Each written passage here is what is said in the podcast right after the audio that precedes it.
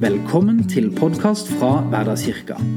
Her vil vi prate litt om Bibelen, Jesus og andre temaer som preger hverdagen vår og livene våre.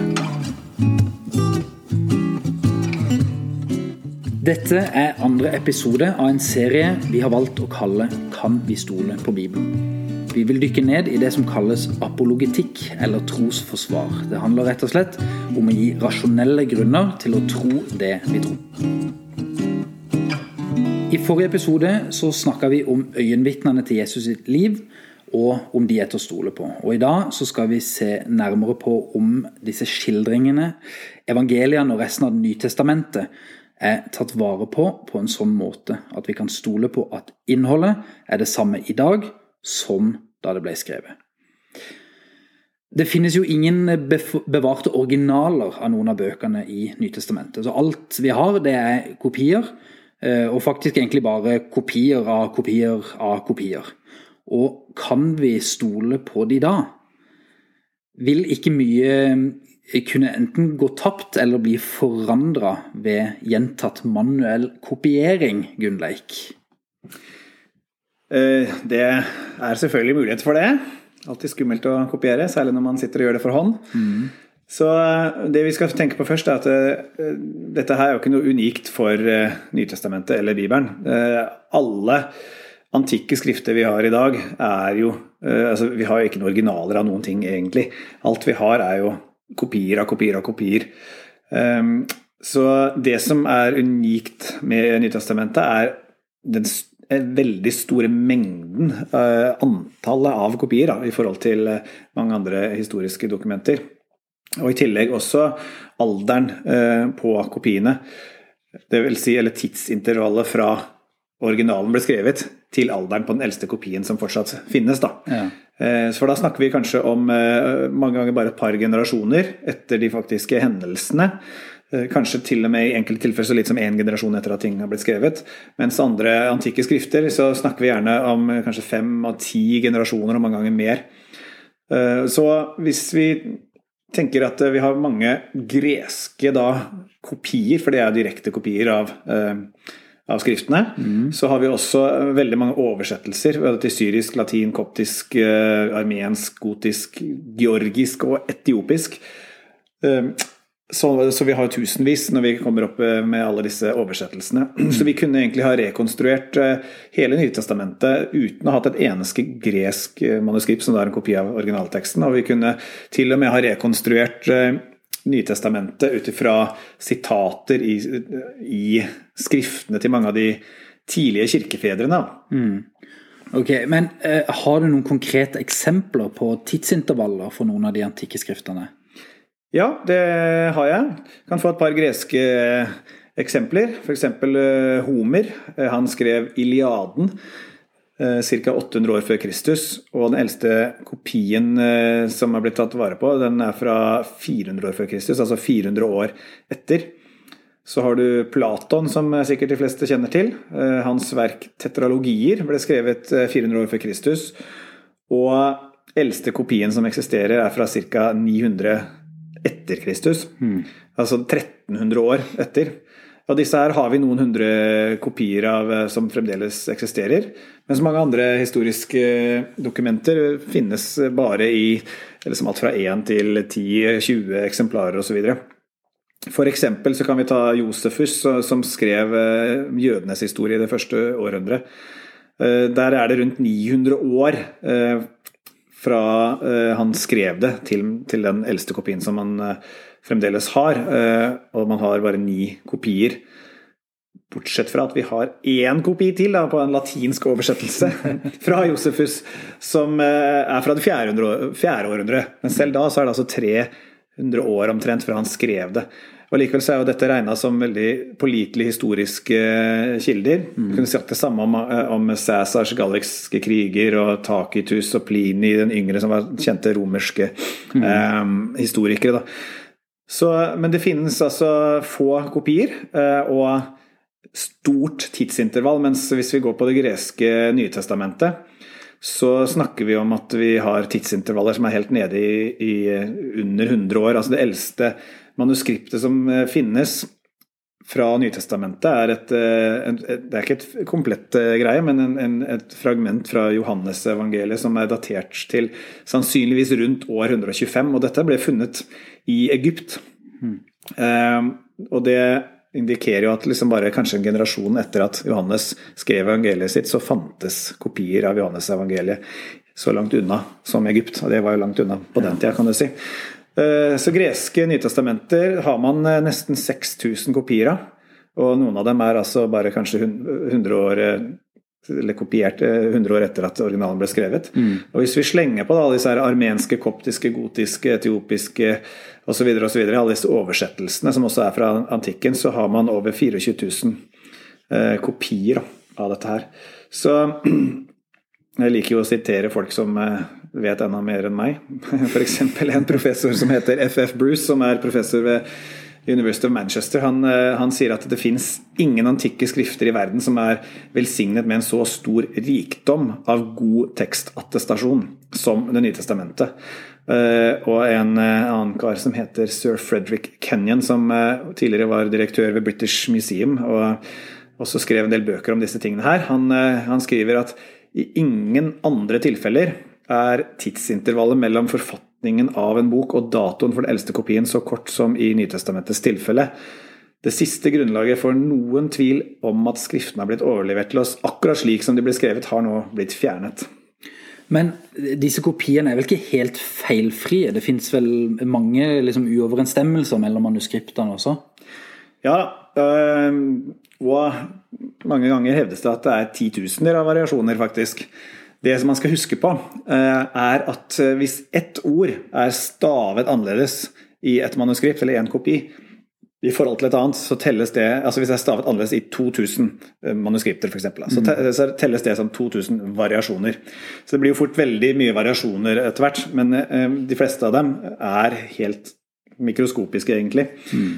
De utgjør egentlig ikke noe problem. Og veldig mange av dem handler om eller det man kaller sek sekvensvariasjon. Altså at ordene kommer i forskjellig rekkefølge. Og det, det, betyr ingenting på gresk. da. La oss si altså eh, Hvis vi da tenker at nå har vi hatt en lite problem med en hund som løper litt rundt i stua her og lager litt eh, krøll for oss når vi prøver å ta opp dette her, men la oss si nå at eh, jeg sier eh, hunden bet Roar. Det hadde vært trist for deg. Det hadde vært trist. Men så kunne jeg også sagt Roar bet hunden. Det hadde vært trist for Bella. Men saken er på gresk, så, spiller, så betyr det akkurat det samme. Um, for det er nemlig ikke rekkefølga på ordene som avgjør om noe er subjekt eller objekt. Eh, det er formen av substantivet. Ja. Så, så, på gresk så kunne man sagt eh, Roar bet hunden, og pga. hvordan man sa Roar, eller mannen, da, ja. Og hvordan man sa mannen og hvordan man sa hunden, så vet man hvem som bet hvem. Ja, Men på norsk så handler det om rekkefølge. Så, så det betyr jo egentlig ingenting. Eh, Eh, andre, mange andre variasjoner er eh, staving av ord. Så det har jo heller ikke noe å si for innholdet. Altså ja. kan bare tenke engelsk f.eks. Eh, amerikansk-engelsk og britisk-engelsk, hvor de f.eks. Hvis du skal si farge på engelsk, så er det 'color'. På, på amerikansk så skriver da C-O-L-O-R.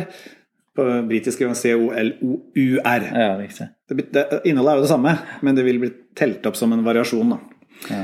Um, så, så kan jeg si det er ingen, eh, ingen, kristne doktriner eller noe av det vi tror på, som på en måte vakler uh, som følge av noen av disse variasjonene, egentlig. da. Nei. Men uh, hva med sammensetninga av Det nye testamentet? Det er jo mange som er skeptiske til hvordan de forskjellige bøkene og brevene til slutt ble Guds ord. Stemmer det ikke at det var en gjeng med biskoper egentlig som avgjorde dette flere hundre år etter at det ble skrevet? Eh, det stemmer at, eh, at i år 397, på et, et, kirkemøte i Kartago i Nord-Afrika, så samla alle de kristne lederne seg fra liksom rundt og hele verden. Eller sånn som verden så ut den gang, da. Ja. Um, og godkjente da det man da kaller den nytestamentlige kanon. altså En kanon er en sammensetning eller rekkefølge av bøker som på en måte er, gjøres til en enhet. da. Mm. Uh, og etter det så ble det generelt akseptert uh, og godkjent, kan du si, som Det nye testamentet, eller dette er bibelen vår, liksom. da. Ja. Så, men eh, det var eh, absolutt ikke noen subjektive ting. Eh, Så det var ikke sånn at de satt her og plukka fra liksom Ja, den syns jeg er kul, skal vi ta med den, eller hva med den her, da? Jo, den liker jeg, ja, kanskje den. Og så ja, den her er vi ikke helt enige med, så den, kaster vi ut, og så videre. Sånn som mange ser for seg at de gjorde, da. Det stemmer ikke med virkeligheten. Altså, disse bøkene som ble en del av Nytestamentet, og brevene og evangeliene og alt dette der, de var jo eh, vidt akseptert av eh, kirken i, i alle disse århundrene før dette kirkemøtet. Mm. Så denne da såkalte kanoniseringen, eh, eller samlingen av Nytestamentet, da, det var heller en, en formell anerkjennelse og katalogisering av de skriftene som hadde vært allment akseptert helt siden de aller første kirkene fantes, altså de første kristne. Ja. Så jeg kan si, eh, Rekkefølgen på det var jo sånn at eh, de fire evangeliene, Matteus, eh, Markus, Lukas og Johannes, de ble sett på som én en enhet. De ble sett på som evangeliet. På engelsk så skriver man jo fortsatt i Bibelen 'The Gospel According to John', altså mm. evangeliet i henhold til Johannes. Mm. Mens vi kaller det bare Johannes evangeliet. Så, så mange av dem i, av disse gamle kirkefedrene de, de refererte gjerne til Eh, evangeliet som én autoritativ skrift som på en måte var liksom selve grunnlaget. Da. For eksempel, da, Vi har snakka om noen av disse kirkefedrene i forrige episode, men en som het eh, Ignatius, som var biskop i Antiokia, eh, han, han skrev i ca. år 115. Så refererer han det som, altså til evangeliet som én skrift, og så vet vi jo at han kjente til alle fire. Vi vet jo mm. at de brukte alle fire. Så det er sannsynlig at han refererte til det man kaller det den firfoldige samlingen da, som gikk under det navnet. Og en, eh, en annen biskop da, eh, som vi har nevnt før, Ireneus. Han var biskop i Lyon i Gallia, eller dagens Frankrike. Da. Mm. Han, eh, han, refererer til de fire evangeliene med en type selvfølgelighet som indikerer at de var allment akseptert som én en enhet, og med en udiskutabel eh, autoritet framfor noe annet. Han, han, han, kaller evangeliet i firfoldig form. Så, så, aller først så var på en måte evangelien eller bare opplest og vedtatt. Alle visste at det var liksom Dette er vårt evangelium. Så er det jo sånn at apostlenes gjerninger, som er skrevet av Lukas, som også da skrev Lukas' evangelium, eh, på en måte delte autoriteten til Lukas, da, og var også anerkjent som, som, som, som Guds ord veldig tidlig. Mm. Det var samme forfatter og egentlig en del av samme historie. Så Lukas' evangelium er liksom fram til Jesu døde oppstandelse og, og Kristi himmelfartsdag. på en måte. Mm. Og så fortsetter apostlenes gjerninger egentlig da med at Jesus drar opp til himmelen, og så fortsetter med hva som skjedde etterpå. Så den er også en viktig bok, kan du si, fordi den binder sammen evangeliene og resten av Nytestamentet. Mm. Uh, en av hovedpersonene, eller kanskje den viktigste personen i apostlenes gjerninger, er, er jo Paulus. Så apostlenes gjerninger den boka den eh, på en måte etablerer Paulus sin autoritet som apostel, og gir dermed på en måte autoritet til de brevene som han eh, også har skrevet. Så, så, det begynner med at eh, Kirken har på en måte anerkjent evangeliene som sine skrifter, apostlenes gjerninger, og etter hvert da Paulus sine brev, i og med at mm. han har blitt etablert som en apostel gjennom apostlenes gjerninger der. Um, og de andre brevene i Det testamentet er jo skrevet av eh, andre av de apostlene. da, ja. Av Jesu tolv disipler, Jakob f.eks., Peter, Johannes osv. Mm. Det eneste som vi ikke helt vet hvem som skrev, er hebreerbrevet. Det vet man faktisk ikke helt sikkert hvem som skrev. Mm. I dag, i hvert fall. Kan hende de visste det. Det regner jeg med at noen visste det da. Så eksempler fra oldtiden, da. Eh, fra andre århundre, ca. 150, så så klassifiserer da eh, Justin, som eh, er vel kalt Justin eh, martyren, han var en av de gamle biskopene på den tida, han, han klassifiserer apostlenes memoarer, altså det blir jo brevene, kan du si. Paulus sine og Jakob sine osv. Mm. Sammen med, med, profetens skrifter, som da er Gamletestamentet, som er liksom de opprinnelige skriftene. Mm. Så kan du også lese i andre årene i skriftene til en som het Origen, som han nevner evangeliene og apostlenes gjerninger, 13 Paulus-brev eh, og egentlig de fleste andre brevene og åpenbaringen som, som, anerkjent. altså Han dokumenterer at alle, alle, kirkene bruker dette her. Og så sier han at, eh, Hebreerbrevet, andre og tredje Peters brev, andre og tredje Johannes brev, Jakob og Judas var omdiskutert av noen. Ja. Men altså De fleste har anerkjent det.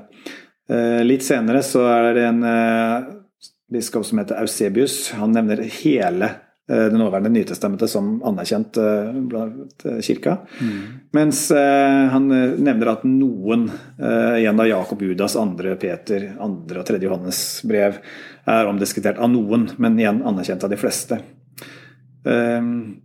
I, når vi kommer ut på 300-tallet, så har vi skrifter fra Augustin, som er en ganske kjent kirkefader, Jerom og Athanasius, og så alle nevner full kanon, som vi kaller det, altså full samling av 27 nytestamentlige bøker.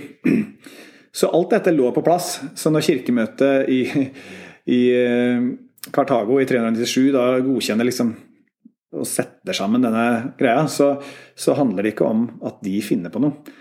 Man kan si at det, eh, disse skriftene ble ikke autorisert fordi de ble utvalgt, men de ble utvalgt fordi de allerede var autorisert. Da. Så det blir litt som om om vi skulle finne noen eh, musikkprofessorer i Europa, så skulle de sitte og si eh, diskutere om Bach og Mozart og Beethoven var noen av de største klassiske komponistene. Det, ja. det, liksom, det, det, går ikke an å diskutere det, for alle vet at de er det. ikke sant? Verden vet det. Og igjen da, så kan jeg sitere professor FF Bruce fra, fra eh, University of Manchester. Han, han sier det sånn Én ting må slås ettertrykkelig fast. Det nye testamentets bøker ble ikke autorative for, for Kirken fordi de ble formelt inkludert i en kanon. Tvert imot. Kirken inkluderte dem i sin kanon eller i sitt nye testamente, da, fordi den allerede regnet den som guddommelig inspirerte og gjenkjente deres medfødte verdi og generelle apostoliske autoritet, direkte eller indirekte. Kirkemøtene som klassifiserte disse bøkene, påtvang ikke noe nytt på det kristne fellesskapet, men kodifiserte det som allerede var den generelle praksisen i disse fellesskapene. Ja. Men eh, var det noen, noen, spesifikke kriterier for at en bok kunne bli regna med i Det nye testamentet? Ja, de hadde, de hadde, tre konkrete kriterier. Eh, det første var det de da kalte for apostolisk autoritet. Eh, og det var at de da, skriften måtte være skrevet av en av apostlene eller en av apostlenes disipler. Mm. Så det, med andre ord, altså, det måtte være skrevet av et øyenvitne direkte eller indirekte øyenvitne. Ja. Så Eksempler på indirekte kan jo være da Lukas som refererer da, til Paulus sine ting, f.eks. Uh, så, så det var det første, apostolisk autoritet. Det andre er det de kalte uh, konformitet til regula fidei. Uh, det kan oversettes med trosregelen. altså Eh, skriften måtte stemme overens med det som Kirken gjenkjente som den kristne normen. Så det kunne ikke, liksom, mm. det kunne ikke gå på tvers med noe av det vi har undervist nå de siste 300 årene. liksom. Ja. Eh, og så nummer tre at dokumentet måtte ha kontinuerlig anerkjennelse og bruk av Kirken generelt. Mm. Så man kunne ikke komme opp med, med et sånt uh, random skrift fra en eller annen person. Kan vi ikke ta med den, liksom? Ja, men eh, Var dette en av Jesu nærmeste disipler? Er dette et øyenvitne? Eller liksom, altså hvis en av disse kirkefedrene hadde skrevet et eller annet veldig fint, da, ja. sånn, så kunne ikke det vært med, fordi at det var skrevet ikke av øyenvitner direkte eller indirekte. Eh, det har heller ikke vært kontinuerlig brukt gjennom hele kirkehistorien fram til nå. Ja. Så veldig strenge kriterier. Så, så det fins vel ikke andre skrifter som kunne klassifisert, eller kvalifisert, eh, tror jeg faktisk. Nei, men, men, men, hva da med de andre evangeliene, som f.eks. Thomas-evangeliet? Ja, det er, eh, det er, jo eh, For det første så har jo ikke de De hadde jo ikke stemt overens med disse reglene, og noen av dem var kanskje ikke faktisk skrevet ennå engang, til og med. Nei, så, så, så det, dette er jo eksempler på altså Det fins jo mange typer evangeliet hvor de har, på en måte hevder at det er skrevet av sånn og sånn, og gitt seg et forfatternavn for å virke kult. da. Ja. Men uh, det er vel ingen som tror f.eks. at Thomas, at disippelen Thomas skrev Thomas-evangeliet. Det fins et Peters evangelium og det fins et Marias evangelium, og ingen tror at det er de som faktisk har skrevet det. Så, og mange av dem stemmer jo da ikke Eh, overens med da tidlig kristen norm. altså ikke, Stemmer ikke overens med regula fidei. De har heller ikke vært anerkjent og brukt i kirken. Mm. Um, og la oss si f.eks. Thomas-evangeliet. det er en annen type evangelie. Altså det, er, det forteller ikke historien om Jesus sånn som de fire evangeliene gjør, men, men det er mer sånn sitatevangelium. Det inneholder 114 utsagn som da skulle være fra Jesus. Og noen av dem stemmer overens med det som Jesus sier i de fire evangeliene, så er jeg tydelig inspirert av det. Men så er det mange som totalt på en måte motstrider eh, Jesu verdier. Blant annet så er det ganske kvinnefiendtlig, mens Jesus var jo eh, veldig forut for sin tid på, eh, og på kvinnefrigjøring, for å si det mildt. Um, og, og, mange av dem også panteistiske. altså Det handler om liksom at Gud fins i steiner og trær og, og, og mye sånt rart. altså Veldig mye som da ikke stemmer overens med den Jesus vi, vi kjenner fra, fra evangeliene i, i Nytestamentet. Ja. Nei, det dette er veldig interessant, Gunnleik. Vi, vi må avslutte for, for, denne gang. Men vi kommer jo tilbake igjen med neste episode om litt, og da skal vi se på andre historiske kilder, da utenom Bibelen, som forteller om Jesus. Så vi håper dere følger med oss neste gang også. Du har nå hørt en podkast fra Hverdagskirka. Følg Hverdagskirka på Facebook for oppdateringer om nye episoder og nye serier.